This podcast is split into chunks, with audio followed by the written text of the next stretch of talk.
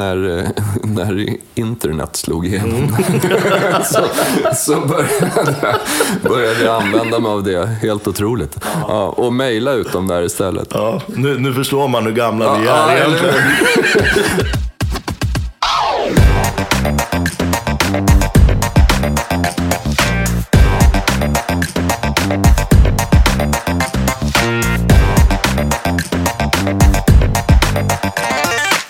Hej allihopa och varmt välkomna till ett nytt avsnitt av Rörsut med mig Hanif Sabsevari. Jag vill börja med att önska er alla en god fortsättning på det nya året 2022. Jag hoppas att det här blir ett år där vi alla kommer få ta del av fantastiska vinupplevelser och att jag förhoppningsvis kan få in fler intressanta gäster och inslag i podden. Det har varit väldigt svårt att kunna publicera ett nytt avsnitt varannan vecka som jag gjorde i början när jag startade podden. Så under 2022 kommer jag helt enkelt att publicera ett nytt avsnitt när det är möjligt.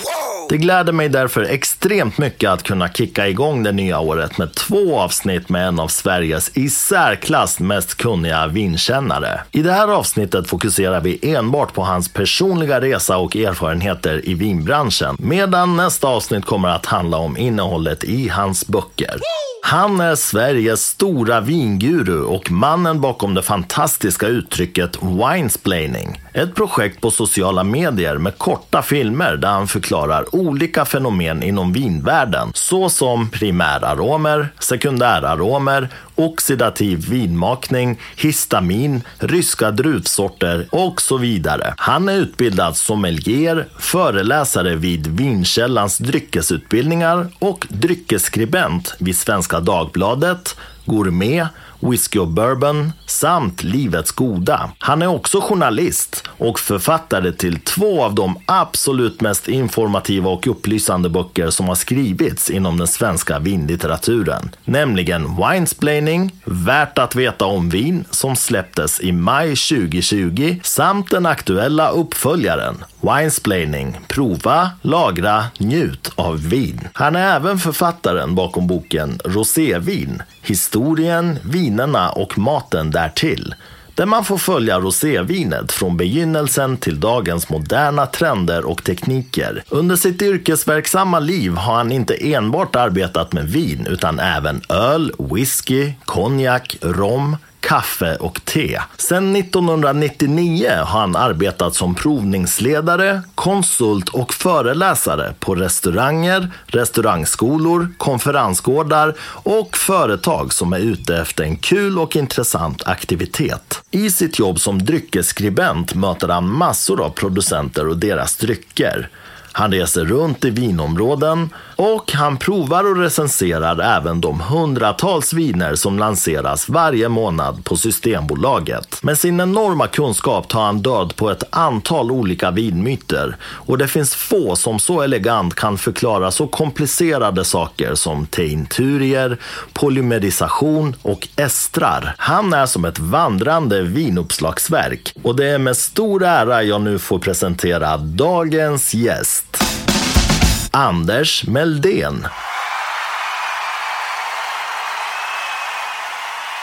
Anders, varmt välkommen till Rörsut. Ja, men tack så jättemycket. Äntligen fick vi till det. Ja, precis. Vi höll på ett par rundor. Ja. Men eh, ja, du är superupptagen och eh, jag är otroligt tacksam för att jag får låna dig här ett par timmar. Ja, ingen fara. Jättekul. Jag brukar ju alltid börja med att gå långt tillbaka i tiden. Mm. Fanns det någonting i din uppväxt eller i din familj när du växte upp som gjorde att du drogs till det här? Eller, eller hur hamnade du i vinbranschen? Ja, alltså just i vinbranschen så fanns det nog ingenting. Jag, mina föräldrar drack inte vin direkt. Det hände oerhört sällan. inte ens på jul eller, eller eh, påsk eller sådär så var det liksom alkoholdrycker. Så att, eh, mat däremot var, var eh, tidigt intresse för och liksom höll, jag höll på och lagade låtsasmat hemma. Och, eh, ja, du vet, man blandar ihop en massa ingredienser bara och så ser man vad som händer. Men eh, vinet, egentligen intresset för det, det kom ju med maten. Därför att ja, jag var väl typ 16 när jag fick mitt första jobb, sommarjobb som servitör. Eh, och då, eh, var man, då började jag servera vin. Och eh, lärde mig mer eller mindre av gästerna faktiskt. vad det var jag skulle eh, berätta om varje vin och vad det kunde passa till och sådana här saker. Så att det var en, eh, en eh, kunskap som växte fram därifrån. Och sen var inte jag någon stor öldrickare.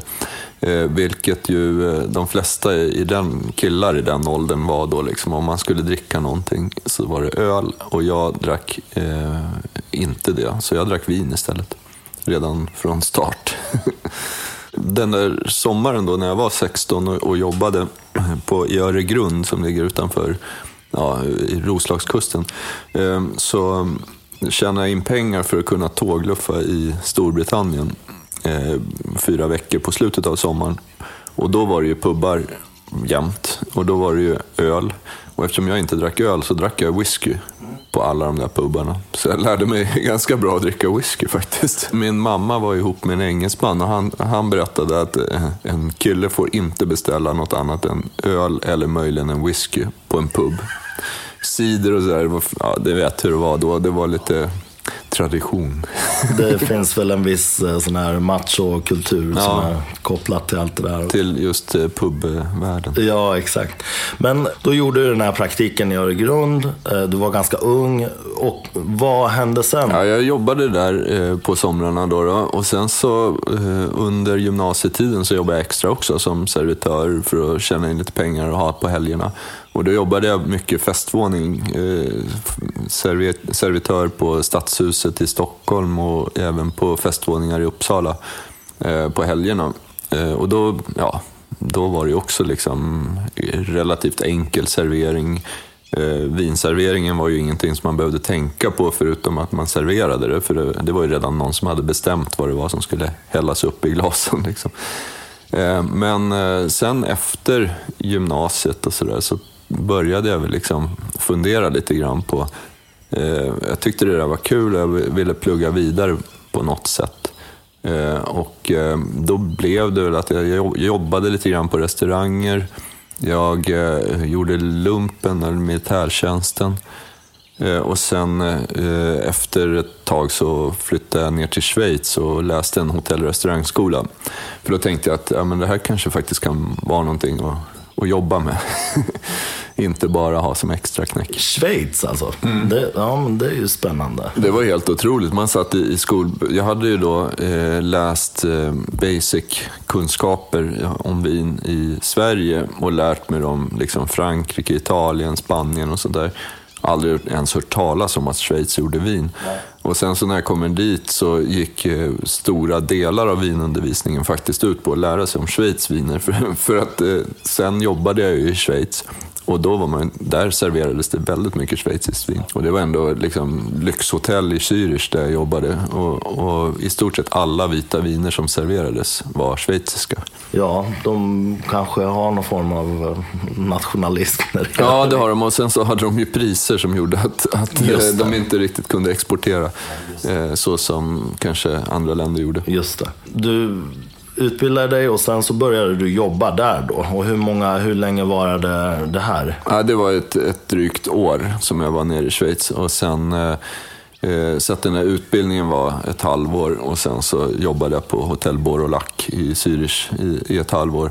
Um, och sen uh, efter det så var jag ju liksom ja, klar där kan man väl säga. Alltså att jobba i Schweiz var jag tror att många som kanske har jobbat till exempel i Frankrike på fina restauranger och så här, känner igen sig. Att man är mer eller mindre livegen. Man har inget att säga till om gällande schema. Man går på split shift varje dag, alltså man jobbade både lunch och middag. Och så hade man tre timmar ledigt på eftermiddagen och sådär. Eh, jobbade sex eller sju dagar i veckan. Så att det var kul, men det blev ju eh, bara jobb till slut. Så då, då, kände jag att äh, jag flyttar hem till ja. lite mer normala arbetstider. Jag kan tänka mig ändå att det måste vara en väldigt fin erfarenhet om, alltså, att ha med sig i, i bagaget också. Det finns ju något värdefullt med, med det här att ha varit på, alltså gjort fotjobbet så att säga. Ja men det gör det och de hade en, en känsla för service där som inte i alla fall fanns i Sverige eh, eh, då. Idag finns den tycker jag också och idag finns ju en otrolig liksom, kunskap kring både mat och dryck bland servitörer och sommelierer och så. Men det fanns ju liksom inte där på... Eh, det här var ju liksom, vad var det, början, mitten av 90-talet. Och då var Sverige ganska långt tillbaka fortfarande. Vi hade precis blivit av med monopolet för eh, restaurang. Rest, alltså restaurangen kunde köpa vin direkt från en importör. Det började ju ske 95-96. Liksom. Och, och, efter den här tiden i Schweiz, då flyttade du hem igen? Då? Ja, jag flyttade hem och så jobbade jag ganska länge som, som eh, eh hovmästare och restaurangchef på en stor festvåningsanläggning i Uppsala. Och då pluggade jag till sommelier samtidigt och det gjorde jag i Stockholm på restaurangakademin. Eh, det var ju den enda utbildning som fanns då faktiskt, eh, så det var, det var jättekul. Då var du ansvarig? Då. Ja, precis. Ja. Och det var ju oerhört spännande för att det var ju precis då när det här eh, monopolet försvann. Innan dess så hade man ju på restaurang, där jag jobbade extra till exempel på somrarna, då kom det en person från det lokala systembolaget fortfarande iklädd de här äh, lite gröna äh, overallen eller vad, vad de hade på sig. och så kom hon med en färdig lista till, till restaurangchefen och sa att ja, föreslår att ni har de här vinerna på listan. Och då sa hon, restaurangchefen, ja det blir nog bra. Och då var det ju liksom Blue Nun och det var Liv from Hinch och det var, det var vad heter det, jag tror att det, det var bland det finaste vi hade var Mouton Cadet. Ja, just det, just det. Goda men ganska ganska basic Bourdogne. Ja, exakt. och eh, Dopp Firions eh, eh, Riesling från Alsace. Så att eh, det var, det var annorlunda. Och sen då 96 eh, när jag var tillbaka och började jobba och helt plötsligt fick direktkontakt med importörer. Det var ju häftigt. Den första importören som jag jobbade mot hette Jo Grosshandel. De finns fortfarande kvar, om än i mindre skala då kunde jag liksom diskutera med dem om att ja, de här gästerna vill ha den här typen av vin liksom, till sitt bröllop. Och, har ni någonting att, att föreslå? Ja, visst, det hade de. Men sen, samtidigt var det ju oerhört struligt. Man, det kunde vara så att jag, jag ringde och skulle beställa vin från Systembolaget, för det fanns en, det var en övergångsperiod. Då. Och allting var hela tiden slut. Vi, vi, gick ju från att ha en importör, vin och sprit, till att ha flera hundra liksom, över en natt. Så det blev ju lite kaos kan man säga. Ja. och hur länge höll du på med, med festvåningen där? Vad kan det varit då? Fem år till kanske. Mm.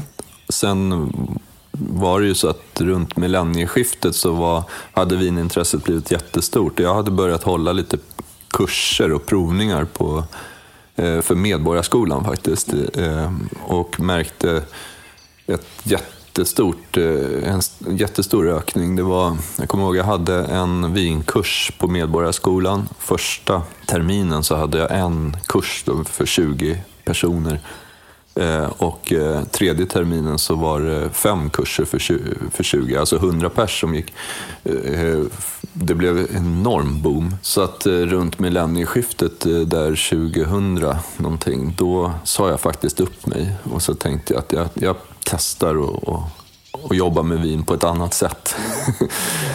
Slippa jobba till klockan fyra på morgonen. Ja, ja det, det tar ut sin rätt. Ja, det gör det. Och, och jag, jag gick liksom till jobbet när alla mina polare skulle gå ut på krogen. och det var lite tråkigt. Ja, ja visst, visst. Nu är ju det en, ett sidospår, men har du någon teori om, om vad det beror på att det blev en sån, en sån skjuts i intresset för, för vin där? Ja, men jag tror att det hängde ihop med eh, det här med att monopolet på eh, import försvann.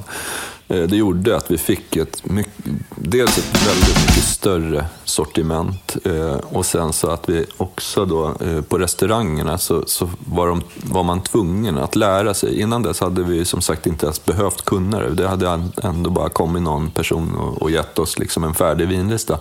Och nu Eh, var man tvungen att lära sig även i lilla Uppsala. Då, då. Det kanske var annorlunda liksom, i Stockholm på, på de största restaurangerna. Så, men det gjorde att eh, alla var tvungna att sätta sig in lite mer i det här, de som jobbade med vin. Och det gjorde också att folk som gick på restaurang, de märkte väl det och så fick de ett, eh, ett eget intresse för det. En viktig grej tror jag var också, och det skedde ju redan där på 80-talet, slutet av 80-talet, det var ju att eh, man faktiskt började visa vinprovning i TV eh, med hjälp av Carl Jan Granqvist och Knut Christian Gröntoft som satt i ett, ett underhållningsprogram som heter Levande livet på fredagarna. Och, och, och, provade vin som två riktiga såna här härliga vinsnobbar. Liksom satt och, doftade i, i Grythyttans vinkällare på olika saker. Och folk, liksom, jag tror många fascinerades av det där och tänkte, wow, kan vin vara så här? För man hade vant sig vid att vin bara var på ett visst sätt. Liksom. Ja, det är ju fortfarande, skulle jag säga, den, den stora aha-upplevelsen när man håller vinprovningar idag. att eh, Folk som har kommit dit är ju givetvis på lite olika nivåer, men de som har ett visst intresse och har tagit sig dit ändå, de blir ju verkligen helt förbluffade mm. när man börjar testa runt och kanske testar i olika glas bara. Och, mm, så det blir ju en väldigt häftig upplevelse. Jag tror att har man varit med om det så man blir fast. Mm. Liksom. Det är så svårt att sluta när man en gång har börjat. Ja, men så är det. När jag slutade jobba då, då sa upp min fasta anställning, då, då tog jag ju så lärarvikt liksom på dagarna för att kunna hålla provningar och så på kvällarna. Eh, och sen var det, eh, gjorde jag, eh, det låter ju som att man är från stenåldern, men, men det har ju hänt så mycket på den här sidan. Eh, jag gjorde även då, eh, fysiska nyhetsbrev, utskick liksom med så här, äh, tio kul viner att prova som jag skickade ut faktiskt med kuvert till, till folk som var intresserade av vin. Och sen eh, när, eh, när internet slog igenom mm. så, så började, började jag använda mig av det. Helt otroligt. Ja, och mejla ut dem där istället. Ja, nu, nu förstår man hur gamla ja, vi är egentligen. Eller, eller faktiskt hur ung också. Det, det, här är ju, det är ju inte så länge sedan. Nej, exakt. Eh, men i alla fall då så runt 2001 så skulle det starta en ny vintidning. Eh, en tidning som eh, hette Livets Goda. Och de hade fått nys om mitt lilla nyhetsbrev. Så de frågade om jag kunde skriva om vin i deras nya tidning. Och då gjorde jag det. Helt enkelt tog jag mitt nyhetsbrev och skickade till dem istället. Just det. Just det. Ja, smart. Ja, skitdåligt var det ju. Det, var, alltså, det, var, det är så pinsamt när man går tillbaka och tittar på det. Men det var, det var så jag började. Någonstans måste man börja. ja, precis. Det är ju så. Det är som när jag lyssnar på mina första låtar. Det är ja. så här outhärdligt. Ja, men, men, vad ska man göra? Liksom? Fansen vill höra dem. Ja. Eller? Eller inte. De hade inget val. Okej, okay, så då, då började du skriva på Livets Goda. Blev det här någon form av liksom, heltidsjobb till slut? Uh, ja, precis. Så, så efter ett tag så, så slutade jag med de där lärarvicken på dagarna. Och sen så fick jag då dels faktiskt lite uppdrag på restaurangskolor. Att berätta om vin på restaurangskolor och undervisa om... Det finns ju ett ämne som heter drycker om man läser ja, kockutbildning eller, eller restaurangutbildning. Och, sen, eh, och det, det upptog ganska mycket tid och sen höll jag mycket provningar och så fick jag skribentuppdrag. Så att eh, efter några år så kände jag väl att eh, ja, det med att skriva var kul och då pluggade jag på Poppius journalistskola för att kunna liksom utveckla det lite grann. Det är ju så när man skriver att man får oftast betalt för en färdig text. Men man, timmarna man lägger ner och komma dit eh, kan vara ganska olika många. och ju, ju, bättre man, eh, om man kan då plugga sig till en kunskap att skriva rätt och snabbt så, så är ju det bättre. Vi kommer återkomma till eh, det här när eh, vi ska prata om dina böcker. Jag, jag tycker det är så påtagligt att Eh, du har den sidan. Vilket gör att du väcker ett intresse på ett helt annat sätt. Menar, det finns ju väldigt många kunniga människor där ute, onekligen. Men det är ju inte många av dem som skriver på ett sätt där man orka ta sig igenom. Nej. Eller ens orka bry sig. Liksom. Det är som allting annat att vill, vill man ha människors uppmärksamhet så måste man ju förtjäna den och få den på något vis. Och, och jag tycker verkligen att du, det märks att du har själva skrivandet också i dig. Och det förklarar nog också en hel del av det du har åstadkommit tror jag. Ja, det är väl också, det, ju, det har ju varit ett mål liksom, att, att försöka få för det är ju egentligen, vin är ju ganska kan ju vara ganska komplicerat. Och att ändå försöka, inte kanske förenkla så att man bara tar bort eh, steg i, i processerna, utan mer att man försöker förenkla de processerna. Man kan ju inte räkna med att alla människor är lika vinintresserade som en själv. Men däremot de som är vinintresserade, de vill också veta de här svåra grejerna. inte, inte bara få allting förenklat och serverat på ett fat. De här skribentuppdragen då, de växte ju då med tiden och, och, som många säkert vet nu så skriver ju du en av de stora dagstidningarna nu också. Och är det det här som du gör nu, det, det är så din, dina dagar ser ut? Att du skriver om vin och håller provningar? Ja, det är det. Jag, jag håller inte så jättemycket liksom, provningar mm, kvällstid och sådär, men däremot så håller jag ju ganska mycket föreläsningar eh, för eh, de som ska bli sommelierer, bland annat på Vinkällan. Och sen så skriver jag, så att en, en arbetsdag för mig kan ju se väldigt olika ut. Ganska ofta så innebär det att jag träffar någon vinmakare, det är ju eh, besök i, i Sverige. Importörerna bjuder in och ser till att eh, producenter kommer till Sverige och sådär, så att man får både prova deras viner men också höra deras historier som ju är superviktigt liksom, för att man ska kunna bli bra på det här jobbet. Och så det försöker jag vara med på så mycket jag bara kan. Och sen handlar det om att också få tid att faktiskt bara sitta hemma och, och, och mata lite texter och, och så resor då förstås. Så det, det, är en väldigt stor variation. Men jag jobbar ju hemifrån då när jag skriver, men jag jobbar ju också lika mycket så från tunnelbanan eller från en tågresa eller vad som helst. Eh, datorn är i stort sett alltid med. Det är alla tillfällen är bra tillfällen? Ja, är, jag har 25-30 minuter ungefär från där jag bor till, in till eh, T-centralen. Eh, där jag ofta då utgår ifrån om man ska på något jobb i stan. Och då hinner man ju med mycket. Oh ja, absolut. Är, skulle du säga, hela den här verksamheten med provningar och importörer som bjuder in vinmakare, är, är det väldigt Stockholmsbaserat? Ja, det är det ju. Liksom, tyvärr kanske man kan säga om man då skulle bo någon annanstans. För mig var det, jag flyttade från Uppsala, ja, men säg att det var runt 2005, 2006 eller något sånt där. Eh, och hade liksom påbörjat mitt jobb där. Um, när jag flyttade till Stockholm så kunde jag ju utveckla skrivandet mycket mer därför att jag hade närheten till alla de här aktiviteterna som, som sker. Så det, det var ju en fördel och jag vet att importörerna försöker ju också att eh, till exempel bjuda producenter till Göteborg, Malmö och eh, även upp till, jag så, ser nu att det är rätt många som är uppe i, i fjällvärlden och runt Sälen och Åre och sådär. Men eh, det är klart att Stockholm är ju verkligen eh, huvudstaden för det här. Det är nära till Arlanda. Det blir ju, det blir ju så naturligt. Jag tror att nästan alla länder har de här hubbarna så att ja, säga. Så. Stora länder har ju flera, men eh, i Sveriges fall, det är ju inte ett superstort land så att det kanske är ganska självklart att det blir ja. så här då. Det som är positivt kan jag tycka då, det är ju sånt som till exempel eh, vinmässor och sånt som ändå förekommer numera i ganska många städer. Och dit kommer ju också eh, då och då eh, producenter, vinmakare som faktiskt kan träffa konsumenterna direkt. Liksom man kan gå på provningar med dem och sådär. Och många importörer tar ju sina eh, en del vinmakare på lite turnéer så där, och, och, och, besöker restauranger runt om i landet också. Så jag tror att det har, det har man nog insett, att det är viktigare och viktigare att inte bara träffa journalister utan också träffa de som faktiskt i slutändan kommer dricka ens vin. Precis, det är ändå de som eh, ska bekosta verksamheten. Ja, det är väl så. Precis. Och idag är det ju, det är ju speciellt liksom med hur alkoholreklam fungerar och sånt där. Så det, det bästa sättet att göra reklam för en produkt är ju att, att låta folk prova den.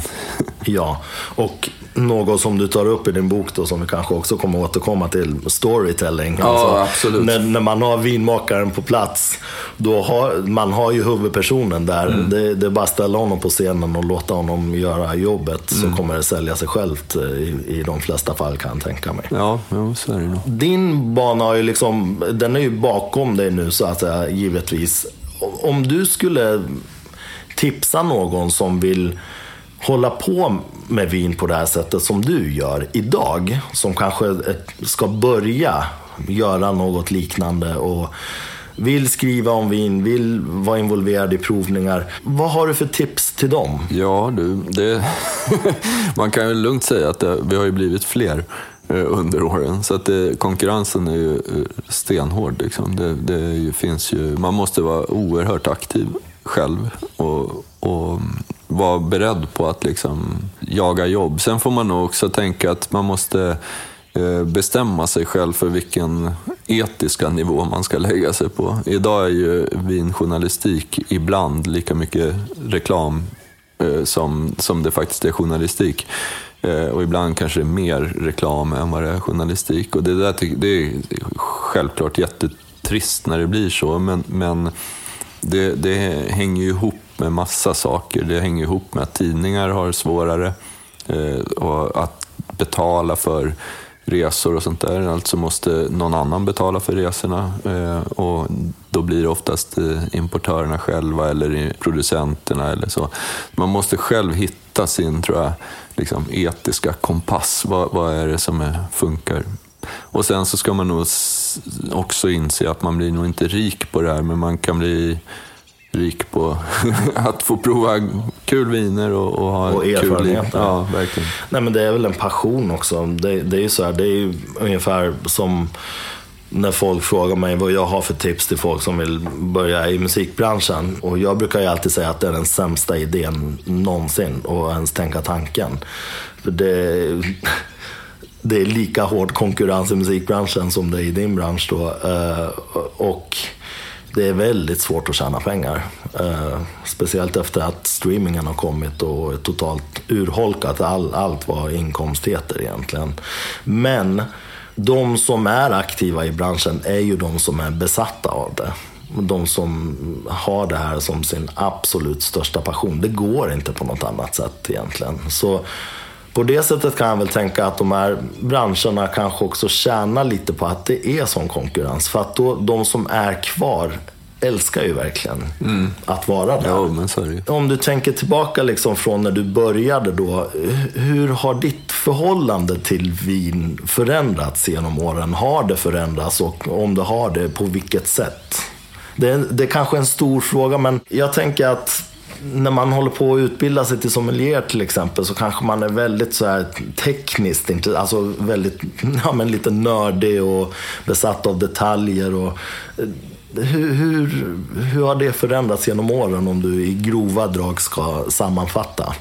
Nej, men det har, det, mitt, eh, min relation har ju den har förändrats jättemycket. Dels så, så dricker jag ju mycket dyrare viner nu. Vilket är jobbigt.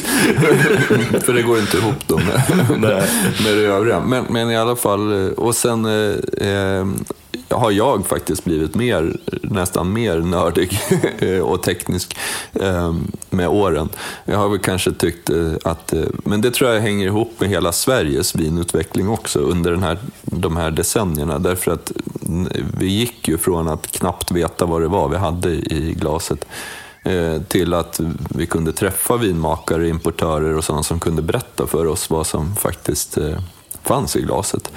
Ehm, så att på så sätt så har jag nog snarare bara blivit mer och mer, mer och mer nördig och mer och mer tekniskt intresserad. Sen betyder inte det att jag alltid sitter och, och funderar på det när jag sitter och dricker ett vin.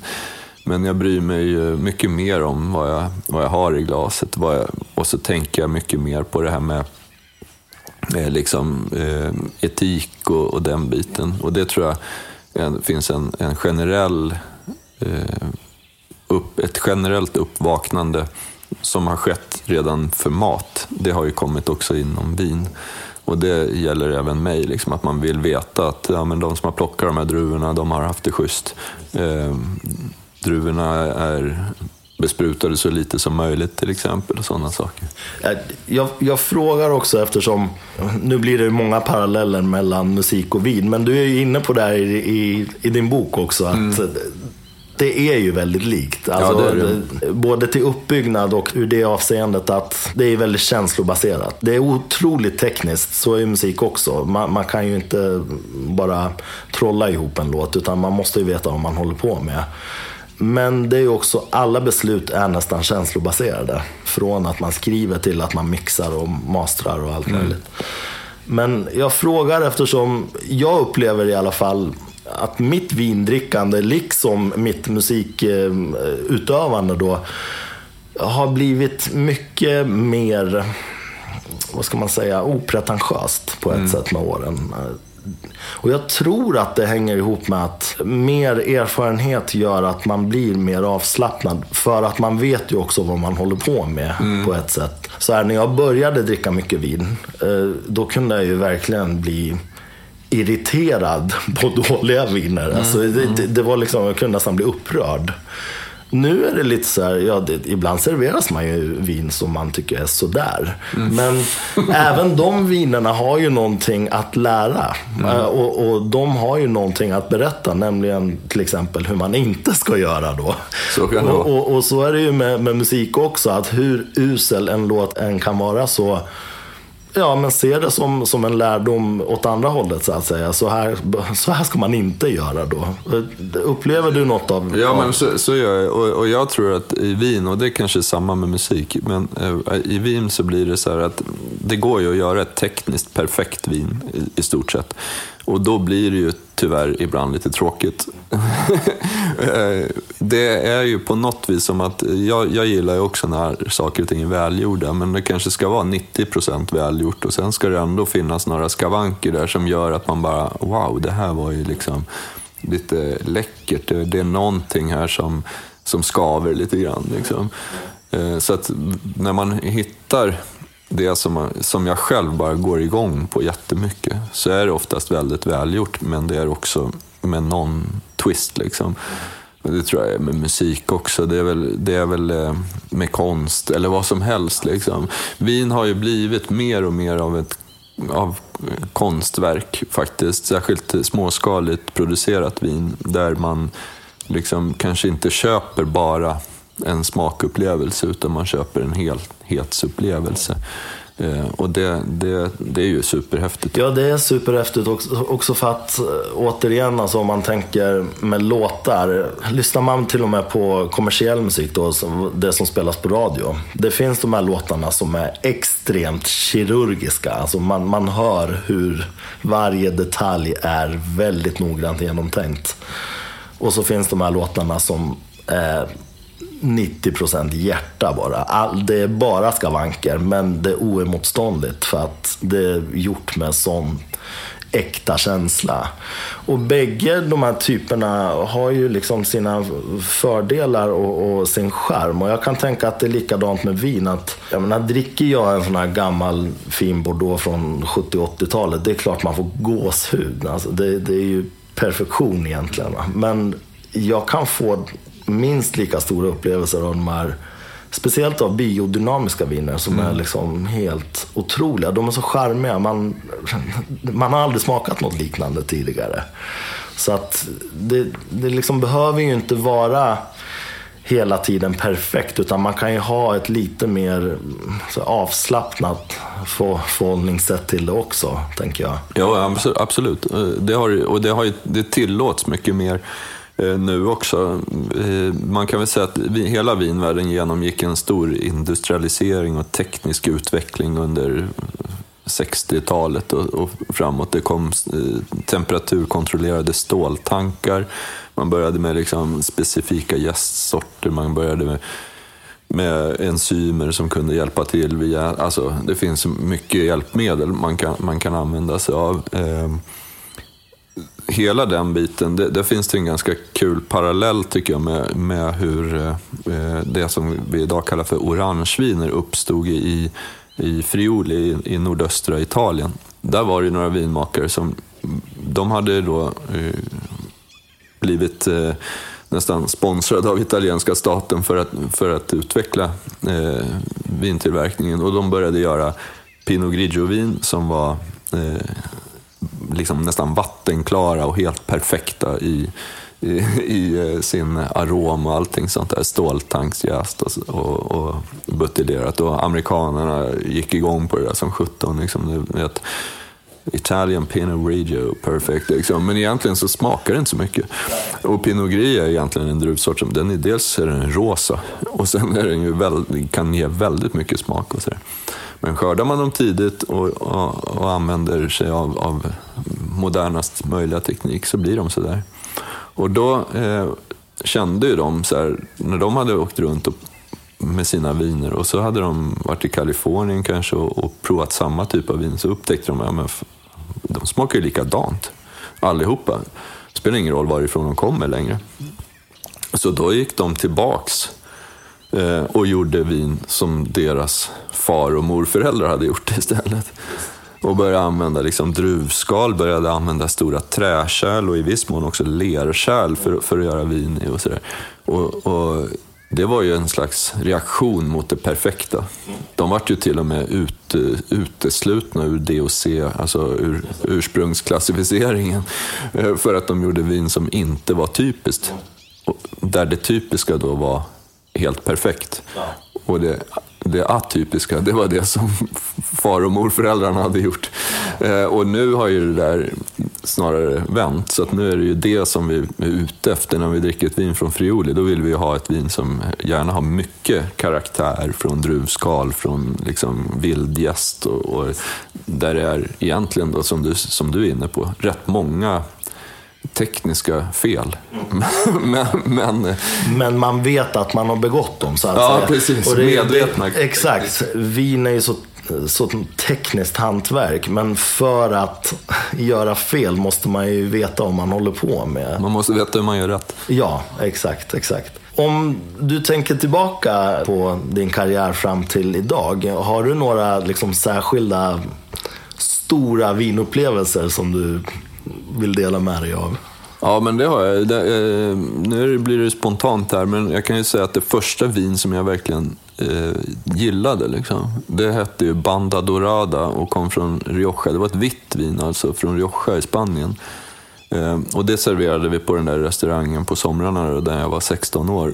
Och då hade jag ju jämfört med ett eh, härtappat vin som heter Val de Loire, alltså blandade druvor från Loiredalen antar jag. ja. Och sen så hade jag ju då lite Liebfraumilch och sånt att jämföra med också. Och då blev det här vinet, det var torrt, det var rent, liksom, inte, det var inte så här kladdigt som, som, som många av de andra vinerna var då. Det var ju rätt vanligt med halvtorra och lite så halvsöta viner nästan. Så det blev en sån här aha-upplevelse, ett vin som jag bara återkom till eh, då när alla andra drack öl. Det var ju ett vin som säkert, ja det finns nog kvar idag. Jag tror inte det kostar mycket. 70-80 spänn någonting. Ja, ja. Men det var, det var en, en, eh, en sån där aha-upplevelse. Sen, sen är det kanske andra upplevelser har, har kanske mera eh, lite högre pris. Eh, när jag jobbade i Schweiz till exempel så hade vi en vinaktion för jag tror det var Sotheby's. Eh, och eh, då, då tog de dit krögare och, och importörer och sådana till det här hotellet och sen så fick de en vertikalprovning av Chateau Latour. Där den äldsta årgången var 1900. Och, och, vi som jobbade med det där, vi fick ju prova av vinerna bakom kulisserna. Så att vi provade ju säkert en 20 årgångar Latour. Oj från 1900 och framåt. Wow. och då minns jag ju att 45 var en sån där som jag bara, wow, det här var liksom... Okej. Okay. Mm. Ja, sen har jag haft eh, många sådana där, de har ju faktiskt blivit flera, sådana här riktiga wow-upplevelser med vin. Jag tycker att det finns, i Sverige har vi möjlighet om man går bort lite grann från kanske det som kallas fasta sortimentet, att man går till den där nyhetshyllan och sådär, så har man wow-upplevelser ganska nära sig faktiskt. Oh ja, och det, det har vi ju tjatat om i den här podden att, att äh, fasta, fasta sortimentet i all ära, men det är ju det tillfälliga sortimentet och beställningssortimentet som är guldkornen. Och, och, Systembolagets hemsida är ju trots allt också väldigt pedagogisk nu. Det, det tog ett tag, mm. men det går faktiskt att filtrera sig fram väldigt väl eh, på allt möjligt, på druvor och årgångar och allt, mm. allt möjligt. Så att jag brukar alltid säga det till folk. Alltså, det, leta där och våga gå till den här tillfälliga hyllan. Och mm. bara läs lite vad som står där. Har ni med telefonen, googla på plats och, och kolla vad som står. Och chansa. Alltså, hur många fantastiska upplevelser har man inte fått där? Nej, men så är det ju. Och, det, och, och, generellt så kan man ju säga att om du ska komma, kunna ha ett vin på, eh, i fasta sortimentet i alla systembolagsbutiker, då är ju det ett vin som inte är gjort av en, en enskild producent, utan det är en blandning av grejer som sen säljs under ett varumärke. Eh, till i alla fall absolut största delen. Det, det, är ju typ inga vingårdar i världen som skulle kunna producera så mycket vin som behövs för, för hela eh, Sveriges eh, bolagsbutiker. För att då skulle de också göra, då skulle de ju bara göra det. De har ju andra marknader också.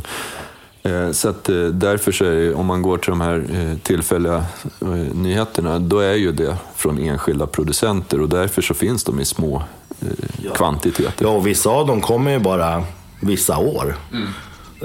Det finns ju producenter som släpper viner bara när de själva tycker att det blir tillräckligt bra. Mm. Hur tänker du kring framtiden? Kommer du, kommer du fortsätta så här som du gör nu eller finns det Mm, har du några planer på att uh, göra någonting annat eller ytterligare? Pensionera mig? Ja.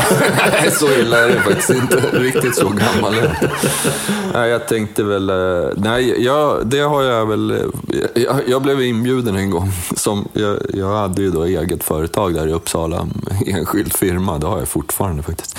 Um, och då då blev jag inbjuden till något sånt där gymnasium. Det var någon av de här privata, jag kommer inte ihåg vad den hette, men med något så här entreprenörsprogram eller något sådär som ville ha en företagare som berättade om. Och då åkte jag dit och så höll jag en, liksom en, en dragning om min hur jag hade tänkt när jag kört. Och, så, och då var det någon elev som ställde den här klassiska frågan. Så, var ser du dig själv om fem år eller tio år? Eller vad? Och jag har ju aldrig tänkt så. Nej. Och jag, det gör jag inte nu heller. Nej. Jag vet inte ens vad jag ska göra i vår. Nej. så att jag, det bara rullar på. Ja. Sen så, och det tror jag man måste, det vet du också, men som egenföretagare, det är bara att hitta på nya grejer hela tiden. Yes.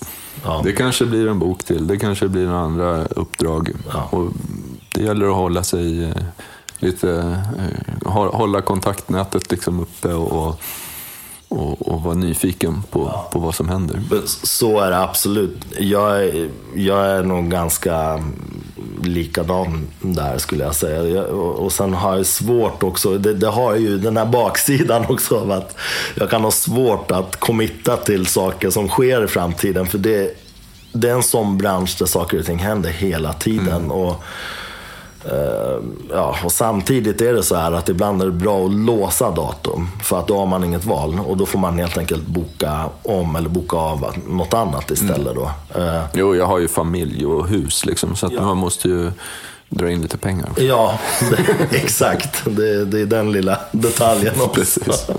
men, men när det gäller bokskrivandet så har du någon tanke ändå om att det kan komma fler? Ja, det har jag alltid. Det, det ligger lite idéer och så skriver jag in dem i mobilen. Och så. Vi kommer ju komma till det här då eh, i, i nästa avsnitt, eller i nästa del då. Men hur tror du att en sån bok skulle, hur, vad, vad, skulle den rikta in sig på? Ja men det vet jag faktiskt inte. Det, det kan, så långt, jag har ju precis liksom förlöst, om man får använda det uttrycket, den, den senaste boken. Så jag känner att jag behöver liksom samla lite mer information eller inspiration till någonting eh, kommande.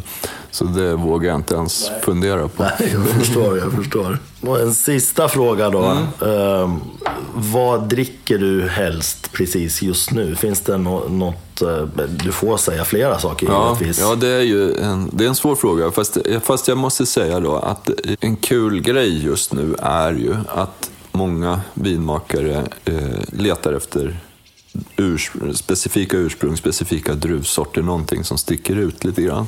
Eh, en, eh, en druvsort som jag har eh, upptäckt på senare tid är en italiensk druvsort som heter Timorasso och som växer i Piemonte, i sydöstra Piemonte. Eh, och det är en sån här druvsort som nästan var bortglömd. Italien har, har ju, som alla andra vinländer genomgått en, en eh, ganska stor förändring, framförallt i och med vinlusen som slog ut i stort sett alla vingårdar i Europa under slutet av 1800-talet.